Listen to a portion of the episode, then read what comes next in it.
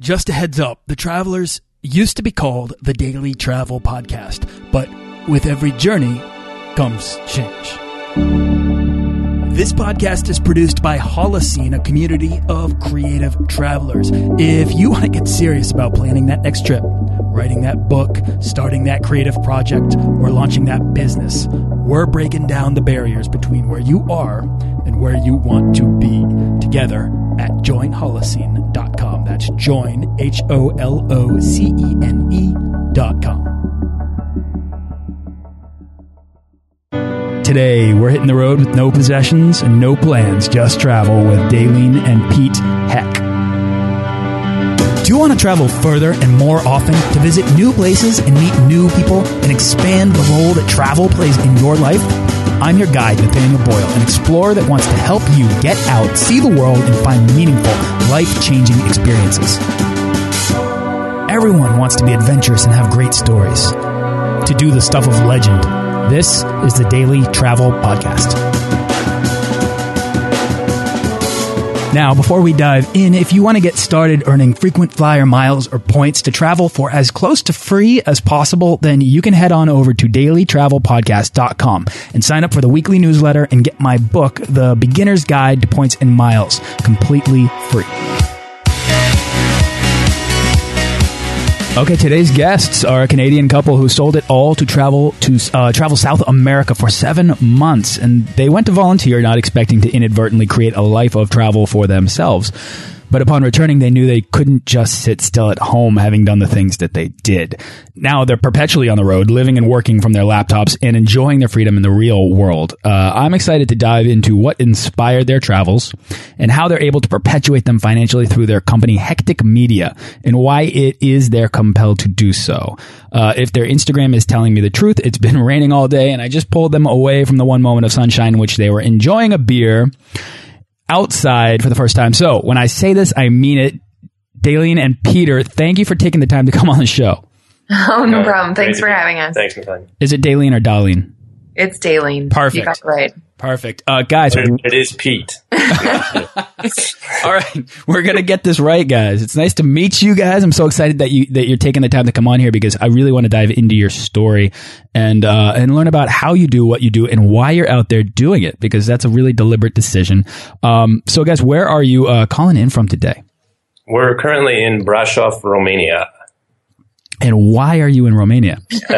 Funny question. Um, we were actually in uh, in Maui a couple weeks ago, and um, basically uh, we were we were we were scheduled to go on a uh, press trip um, that we were really excited for, and at the last minute, the client bailed on us. And so we basically spun the globe and wanted to pick a country that we haven't been hadn't been to before, and uh, the Balkans really kind of interest us, and so we. Uh, sorry, I mean Eastern Europe really interests us. So uh, Romania sort of was the pick. We found some cheap flights, and here we are. I love that. The, fl the flexibility of destination is amazing to me. So let's dive into anybody listening that's thinking like, how do you just kind of, you know, close your eyes, throw a dart and go wherever you, wherever you land. Uh, I want to get into exactly how you're able to flexibly do that. But um, first, I gave an extremely brief overview of you guys. If you could just introduce yourself, tell us who you are and how you got started traveling. Sure. Um, so I'm Pete, and uh, obviously wife Dalene. Uh, we started five years ago, and uh, really it came out of a, um, a year of tragedy. Uh, we had a few deaths in our family, um, and some just just terrible news that sort of came down upon us. And so we stepped back from our you know corporate nine to five lives and uh, and really evaluated what we wanted to do. And um, we both uh, like it was a drive home from a Christmas. It was a snowy day, and we both just said to each other, "What's holding us back from you know pursuing our passion of travel?" And so we both, uh, well, Dalene quit her job first, and I continued on. We had to try to sell our house, and um, it took some time, but uh, eventually it did sell, and uh, we bought one-way tickets to South America with no idea you know, sort of where the adventure would take us. And yeah, it wasn't just for seven months. It was sort of an open-ended trip and sort of just testing the waters and see where, uh, see where we were going to go. That's interesting that you brought up tragedy as a uh, as a thing. It's kind of been a somewhat recurring, motivating factor for for going out and actually pursuing not just you know not just going on a trip, but actually pursuing a life of travel this need for change, for you know a renewal of purpose or a reinvestment of your own time, um, because suddenly you're faced with the realities of mortality. Yeah. I mean, really it is, it was the cliche that life is too short that really just smacked us in the face. I mean, we lost Pete's mom, um, and then my sister, who was just a few years older than me, passed away a few months after his mother. So it was the, the culmination of that and a couple other really, you know, heart wrenching things that happened in just a really short time that had us really rethinking, you know, are we as happy as we can be? Are we doing what we want to be doing? And it took some thought, but after a while we just realized that no, that's not the case. And so we started to make some hard decisions on what we think would make us happy. And honestly, we just, we haven't looked back really.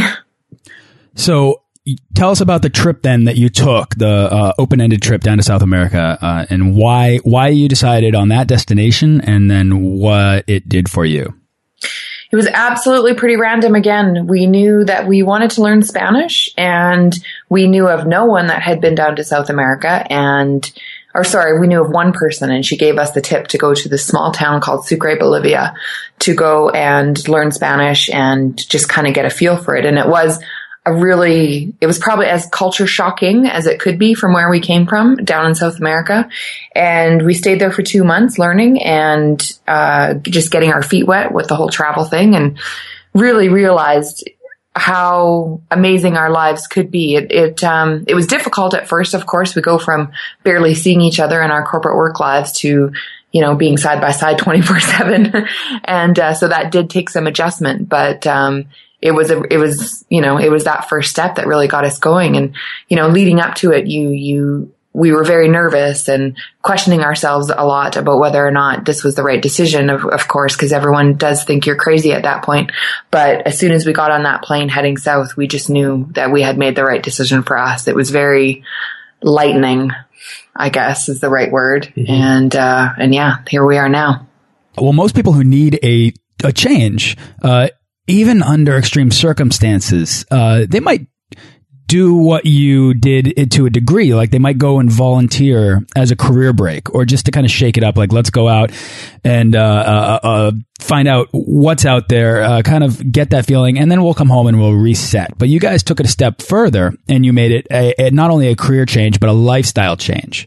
Um, yeah yeah, we, we, we got rid of everything. Uh, essentially, we sold our home while we, we had a, small storage space and we really, we had the contents on our back. And it's sort of like is our slogan on our website, the no possessions, no plans, just travel. And, uh, we really hold, hold true to that. And I mean, yeah, like Dalene said, it was, it was scary at first, but once we got into that first country and, you know, saw, you know, how different culture is and it mm-hmm. just, it just fueled us to keep going. And well, and, and even before we got there, though, when we had made the decision and started to shed all of the material goods that we had, it was, we knew we'd never go back to that. And I don't know how we really knew at that point. We just both knew that even if we decided traveling wasn't it for us, we knew we wouldn't be back in that big house, back in that suburb, back doing what we were doing. We really needed a drastic life change. We weren't we weren't unhappy with our lives. We were We just knew we could yeah. do so much better. We knew yeah, we, we had passion to do something different. Yeah. And so did you did you guys have skills right out the gates that would help uh, keep you afloat on the road? Not at all. Not um, we we were fortunate when we when we had bought our house that it was at a good time. So we did have a, a, decent cushion of savings that we knew we could get by on for a few years if we needed to. Um, we didn't. We started sort of blogging while we did South America, but not really. It was more just a letter home to family and friends, and we really had no idea what we were doing. We really did not, and how if we were to make this a perpetual lifestyle, how we would fund that. We really had no clue we both have business backgrounds. So, I mean, at first, like, I mean, it wasn't an, an, idea really to run the business at first. It was just sort of, you know, fuel the passion of travel at first. And then it sort of evolved into, well, we like this. How can we continue to do it? And that's where our, you know, our business skills kicked in and, you know, how we've, we've set up these, these companies and really have kept things going.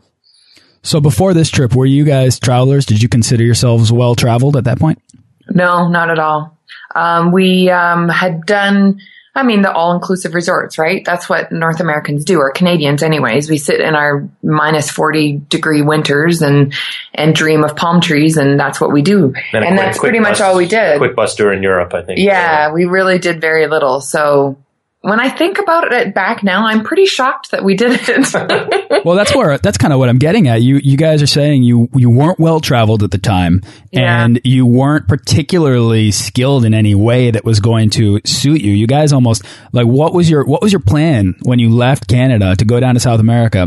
We plan? we had two, we had two nights booked at our first hostel, and that was it. Mm-hmm. That is really all. that we Amazing, amazing. it was a giant leap. It really, really was. And um, I mean, I think we always couldn't. We always have skills that we could fall back on if we had to settle down somewhere and stuff. I'm sure you know we'd be able to find something. But and that was always in the back of our head that that might have to happen. But you know, we've been on the road long enough that we've learned also how to travel really cheaply so that we don't need much to keep going as well.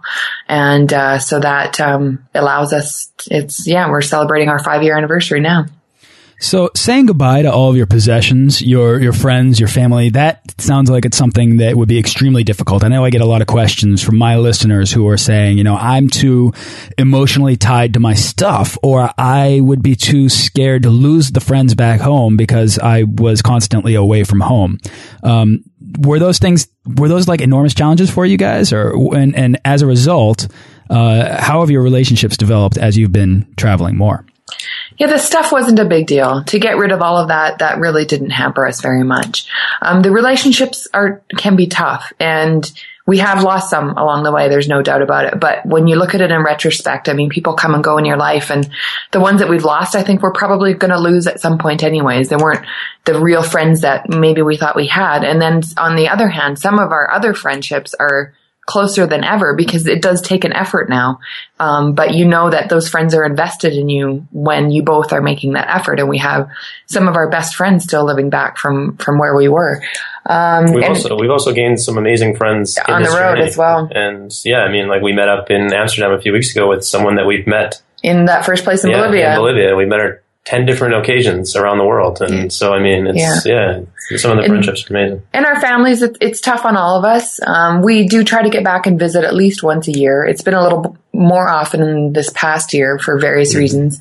Um, and I mean, I always say, I know my mom would probably rather have us living down the street from her, but she's also extremely supportive and she will miss us like mad, but also say, you have to keep going and you have to keep doing what you're doing because she knows really how much we love it and how happy we are in our lives. support from the people that truly recognize what is uh, what is changing you, what is making you happy. Um, whatever's going to make you happy is going to make them happy. And- Exactly. And, identifying the people that actually care about that, putting distance between you and them is a great way to kind of almost test that. you know what? Not that that was the intent, but it's Right. absolute truth. For sure. Yep. Yeah. So, all right. So you guys knew very early on that this would be the way forward. At what point in your in your travels did you know that you had to make this, you know, travel lifestyle uh, uh, an ongoing reality? You know what I mean? At what point did did you say, okay, I think we can keep going because we've set up this life in a way that we can afford our travels and that we uh, we're, we know we're happy?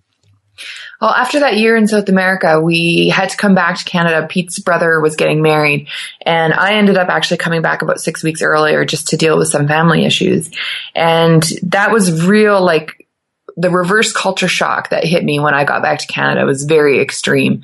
And I didn't have Pete by my side either. I was kind of going it alone because no one could really understand what I was going through. But it, within that first week of being back, I knew that I needed to be back out on the road, that I couldn't, I mean, we, we thought about, in the back of my head, I kind of wondered if we wouldn't come back and settle down at that point. We'd been at it for a year without sitting still too much. And so I was exhausted, but as soon as I got back, I knew that, you know, this wasn't the end of it. But I didn't want to influence Pete in that regard as well. I wanted him to come back and I wanted to get his true feelings without influencing him and really understand what he wanted as well. And I think it took him less time than me. I think it was within the first three days. I think it was on the first Three like, minutes, you maybe. when you picked the airport. he was like, "Oh yeah, we're gonna get out of here." So we um we knew we didn't want to keep the the backpacker pace up where you're in a new town every few days or whatnot. So then we had stumbled onto the concept of house sitting and we, cause we had met a elderly couple in Ecuador that had been doing it for 16 years. They're originally from California, I think. Wow. And so we started looking into that. And so after his brother's wedding, we took a two month house sitting job in interior British Columbia. And it was really just kind of to get our travel mojo back, you know, to be on our own, to relax in one place. Recharge. recharge, really, to figure out what we wanted to do. And while we were there, we got offered a six month house sitting gig in Honduras.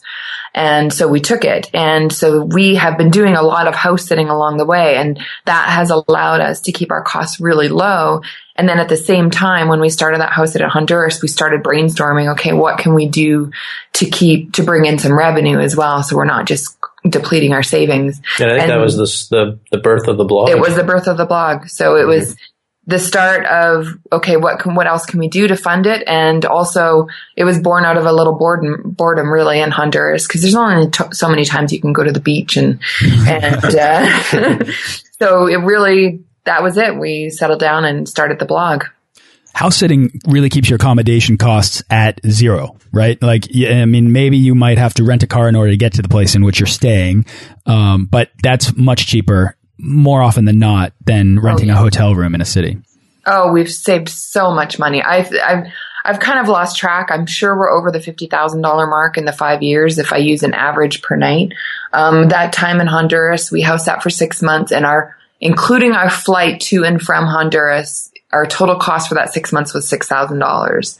So that was really low. We, there's some house sits where if it's longer term, they'll ask you to chip in a bit for utilities. Um, so we did, we've done six months in Turkey where we paid $100 a month, I think it yeah. ended up being. So it's not exactly zero, but it's really, really inexpensive. And then it also gives you a different perspective on travel. It's a totally different experience to be living in a community with locals than it is to be in a hotel room in the historic center of wherever you are.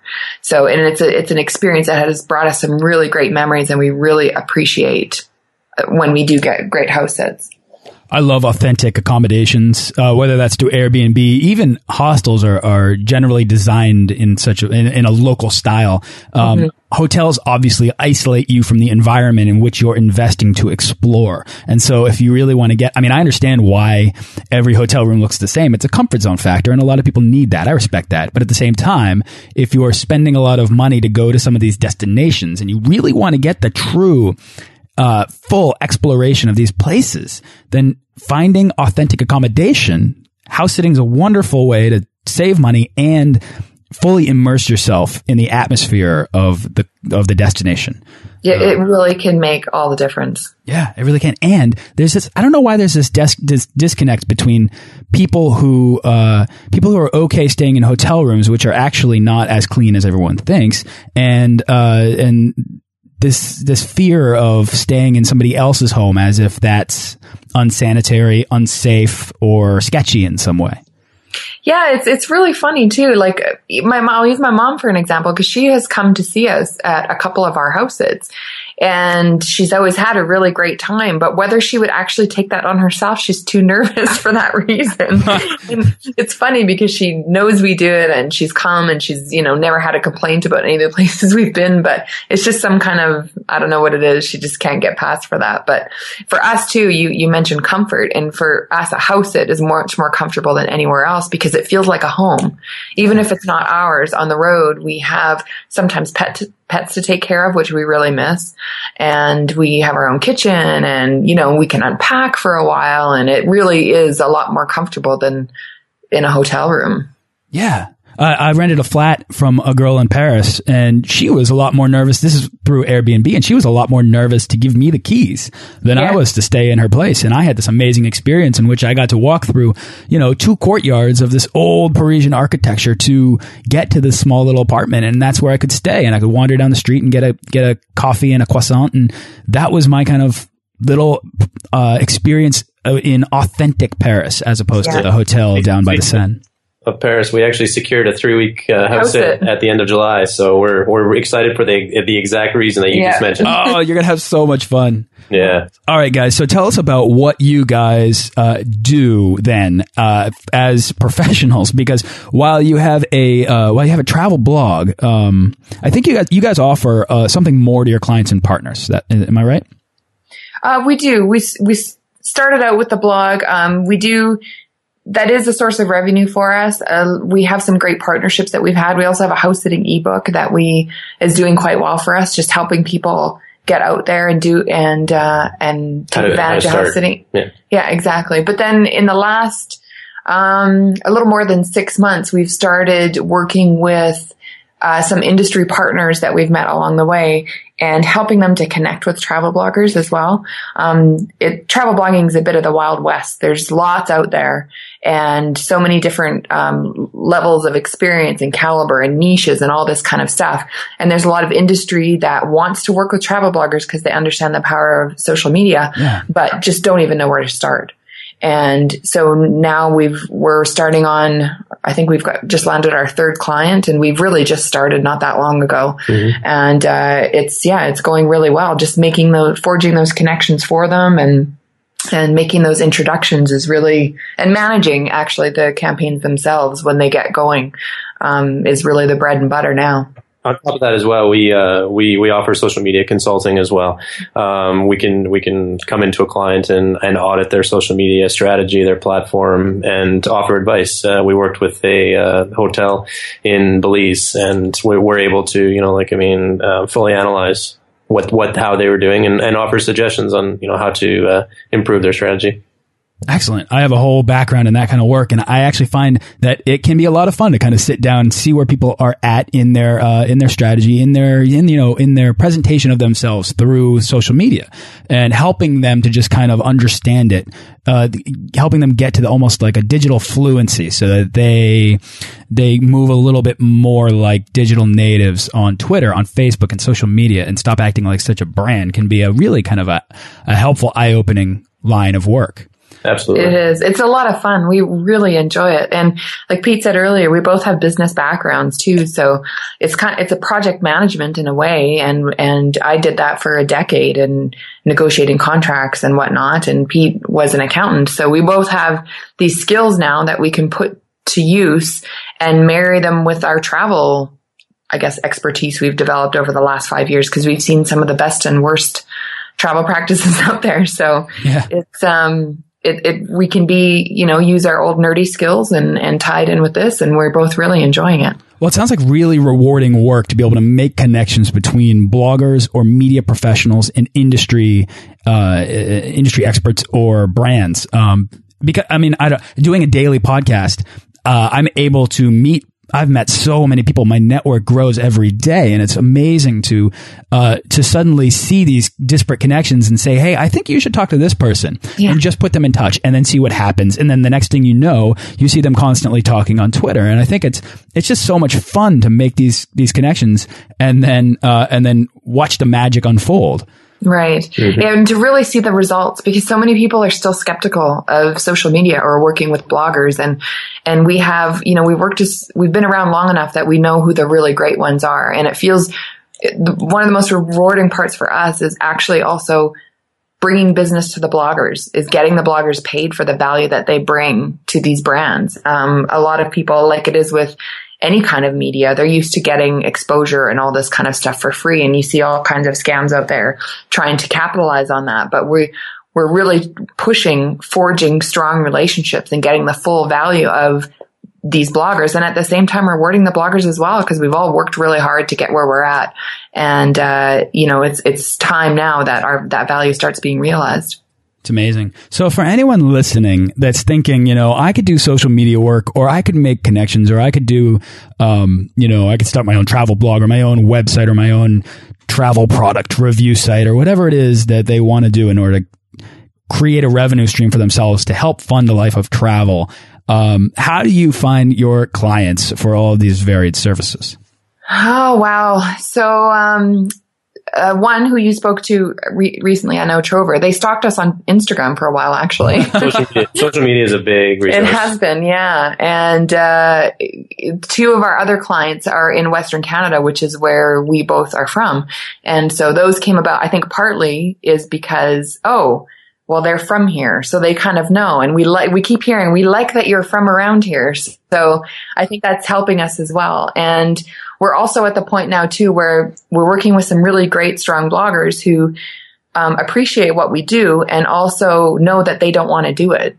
They don't want to be the ones that manage these campaigns, but they have these other relationships out there that they know need somebody like us. So we have some of them going to bat for us and saying, Hey, I, you know, I'd like to work with you too, but if you're, I think you could use something bigger and why don't you talk to my friends over at Hecktic Media? So though that's starting to happen as well, which is, has been really great for us. I love that. That's amazing. All right, guys. So it's just word of mouth, or you're found through your activities, through uh, effectively living your message through social media, promoting wherever it is that you go. Doing, uh, uh, it sounds like it's just a lot of a lot of work to record your travels and then uh, present them in a way that appeals to brands that are out there.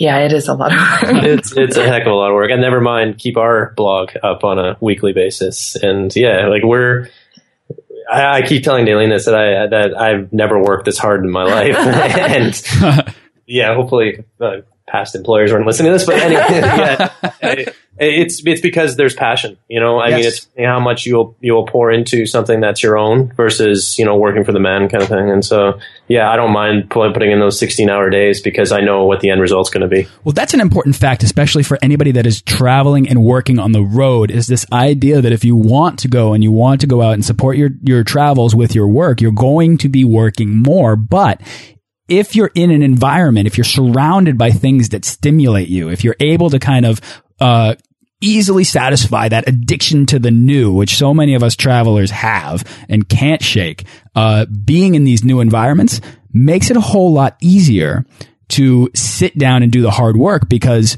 right out the door is a is a cool square where you can just hang out and just watch the world unfold around you. Yeah. Uh, our family's been saying it recently that, I mean, they're seeing how hard we're working on the new company and, and, you know, be careful you don't fall back into what you were before where we, well, I worked hard. Apparently Pete didn't, um, back in our corporate lives. And we're like, but we're okay with that because we're enjoying it. And I like that we can do it from Romania or we can do it from Turkey or wherever we just happen to be. And, uh, we can still go and enjoy where we're at. Yeah, we're stuck indoors doing work a lot of the day, but we still have that square just outside where we can go have a beer and be in a new environment and hear new languages and all that other kind of stuff as well. So the reward for it is, is certainly, is certainly there. Is travel blogging something that you recommend people get into as a way to uh, build a career? Oh, I think it's a it's no. a platform for a career. I think I think it's a way to um, brand yourself. Uh, I think is the best way in terms of you want to support yourself. Yep. Um, in terms of you know, I, mean, I, think I think travel blogs are great. I mean, they're a great way to communicate with uh, with with people, with your families, with whomever. It all depends. But to make a living, but though, to make a living, it's it's difficult. It's really tough. And I, I honestly no, there it's it's so saturated. There are, I mean, there's a lot of room still for really great blogs. Um, I don't think there's enough really fantastic blogs out there, but it's also very hard work that a lot of people aren't going to be willing to put in the couple of years of work it takes in order to maybe get to that point where you're completely sustaining your travels. Um, we've really just gotten there ourselves and we've been doing it just over three years and most of it is coming from opportunities outside of the blog. It's changing. The opportunities to get um, paid to be a blogger are starting to happen more regularly, but it's still just that upper echelon of bloggers that are really tapping into that so far. So, um, it, it's, it's very difficult and it's a huge amount of time commitment. So, um, if the, the passion absolutely has to be there, it has to first and foremost be a labor of love. Anyone looking to do it and make a lot of money off of it are going to be disappointed. Yeah, a small percentage will yeah, get exactly. rich fast or, you know, be successful fast. Yeah. So yeah, you got to put in the time and it's a revenue stream for you guys for two reasons. I'm gonna I'm gonna take a stab at one. Uh, you you started doing it early enough before it became overcrowded, and two, uh, you worked really hard. Yes, both of those. All right, guys. So this is the part of the show where we're going to boil down the how and the why of travel into pragmatic advice. Uh, I'm going to give you the series of questions and you're going to come at me with your best travel tips. Does that sound good? Sure. Sounds good. Okay, have fun with this. Okay, so for Okay. a lot of people taking that first step out the door, uh, that can be the hardest part of travel. So what's your advice for anybody that's dreaming to take that first step to becoming an explorer of an amazing world? That is definitely the hardest part. And the, the, the one thing I'll say that got us to take that first step in the, cause it takes planning and the months leading up to it. It, it's going to be a roller coaster of I'm nuts versus to know I have to do this. And the one thing that we kept coming back to was saying to each other, we're never going to gr- regret it. Even if we turned around and would come home two months later, we were still never going to regret it. And we knew that. So it's that mantra that helps, helped really push us forward to take that first step. Dalene, let me let me just follow up that question. Uh, uh, are there ever moments in your travels, you guys, in which in which you question why you're doing what you what you're doing? Maybe you feel homesick, you miss family or friends, or concern yourself with money or the future. And and if so, because I do believe that travel can be really emotionally challenging, just as much as it is rewarding. How do you guys overcome that? I can say that those moments are so few, they're inconsequential. Really, we don't, we will have a slight little panic about something or other. Usually if we're sick and then you start feeling a little homesick, but it is so minor because we are so in love with this life that we have now that We we catch ourselves too often just saying I I love my life. Like Right. I mean like just out of the blue and it's yeah, it little just, it really doesn't happen. I love that. The doubt is washed out by the re- reaffirmation that you've made the right decision. Yeah. So cool. Uh, all right. So the biggest hurdle for most people who want to travel more is cost. Uh, do you have a secret money saving tip or travel hack? Well, I think we mentioned it. Um, look into house sitting. Uh, like I, s- uh, we've we've saved thousands of dollars, Tens of um, thousands. tens of thousands of dollars doing it, and uh, it's it's one method where like we like we mentioned all the benefits where you can get into local communities, you can you know get into a comfortable home, you can have pets to you know when you're traveling for long term, you can if you miss pets, you can have that opportunity, and yeah, it's just it opened so many doors for us, and I think it's a it's it's getting more popular now, which uh, which Mm-hmm. is great. Yeah, I'm hearing it more and more. And you guys have a book on that, don't you? We do. Yeah. We, it's just over almost two years old now that we wrote. Actually, we just went through a major update of it. Oh, nice. And- yeah, and um, I love it. If we get emails from people constantly saying, you know, hey, just wanted to touch base and let you know that your books helped us do, you know, we're now we're here kind of thing, and and that's been one of the most rewarding things of, of that's evolved out of our blog. And shame, shameless plug that we've we've got it in all three versions that you can get it in on Kindle and e-readers and PDF versions. So That's good. No, I will link to all of that on the on the show notes for this page, which will be at dailytravelpodcast.com slash hectic with a K, H E C K T I C. Uh, guys, packing. Easily my least favorite part of travel. Do you have any advice to help people pack better? I'm probably the worst person to ask about that. Probably handle that one. Me too. collectively are the worst packers that probably ever existed. But we uh, there's a very good reason why our blog is is narrative mostly, and we don't give tips is because we're terrible travelers. um, packing tip. Well, I mean, we we're in a difficult situation because we well a we don't have a base, and B we seem to like to go to destinations that switch in terms Climate. of climates. so we'll go from Greenland to Maui to Finland to like I mean, it's sort of It strange. is kind of crazy. I will give the only tip that I have for the ladies out there is cotton dresses, just basic cotton dresses that you can layer. You, in the summer, you can wear them as is. In the winter, you can put leggings underneath, long sleeves underneath, and whatnot. That's the only tip I ever give. packing cubes. I think those. That's the only tip yeah, you ever uh, give. Yeah. That's all. Sorry. That's all right. Packing cubes here. People love them. They're they're probably the most recommended product on this show. Yeah. Yeah. Uh, all right, guys. Do you have a favorite internet travel tool or resource that you use? You know, I just discovered the other day, and it's been around a few years, I guess. It's roamtorio.com. Oh yeah. And um, we spend so much time trying to research different routes to get from one place to the next. And this just does it all for us. So if we're going from Bucharest to Paris, it will outline this is how you do it by plane, this is how you do it by train, bus. If you drive, this is how much it's going to cost. It is really the the my favorite bookmark right now, and it's the most useful website that we found for travel. Nice. Yeah, I like that. I think that's great thing. You know, I'm not surprised more people aren't coming across it, but for whatever reason, great. It's getting out there now, but yeah. yeah. Great yeah. pick, great tool. You can embed it on your website for any travel bloggers listening. Um, do you guys have a favorite piece of travel gear that you take everywhere you go? It's my camera. It's it's always it's it's attached to my hip, at my hip literally, and uh, yeah, whether it's the like we we always have a you know a smartphone or um, basically yeah my camera. That's yeah. what, are you, what are you shooting with? I'm shooting with a Canon 6D. Um, so yeah, I just upgraded recently, and um, yeah, no, I have no regrets. Nice. Love it. Yeah, that's what I use. I love it. Yeah. Well, last question then. What, what's the weirdest thing you guys have ever eaten? Well, we have a, we have an agreement in our relationship that I eat the, the weird stuff and Dalene drinks the weird stuff. So um, yeah, so um, yeah, I've eaten some pretty strange stuff, and the probably the strangest thing I've eaten it has to be the insects. I mean, you probably get that a lot. Do. But um, you know, from the fried tarantula in Cambodia. Okay, there you go. Yeah, some chopped up grasshoppers in Mexico to silkworms in Thailand. Yeah, I've eaten some good stuff. So, and I haven't touched any of it. Yeah, she just. Dalene, yeah. what's the weirdest thing you've drank? Uh oh my goodness, nothing too weird to be honest. Um, but I'll try all the local liquors and stuff like that. Yeah, yeah. I, I have a tough job. yeah, I know. I love going to checking out the local craft distilleries, the little craft breweries, trying all the local products, whether it's uh, you know Retsina in in in Greece or it's um, Anisette anywhere across Europe or uh, or the Mediterranean. I think that's a it's a great way to understand what's going on from a cultural topography of any mm-hmm. destination you go to.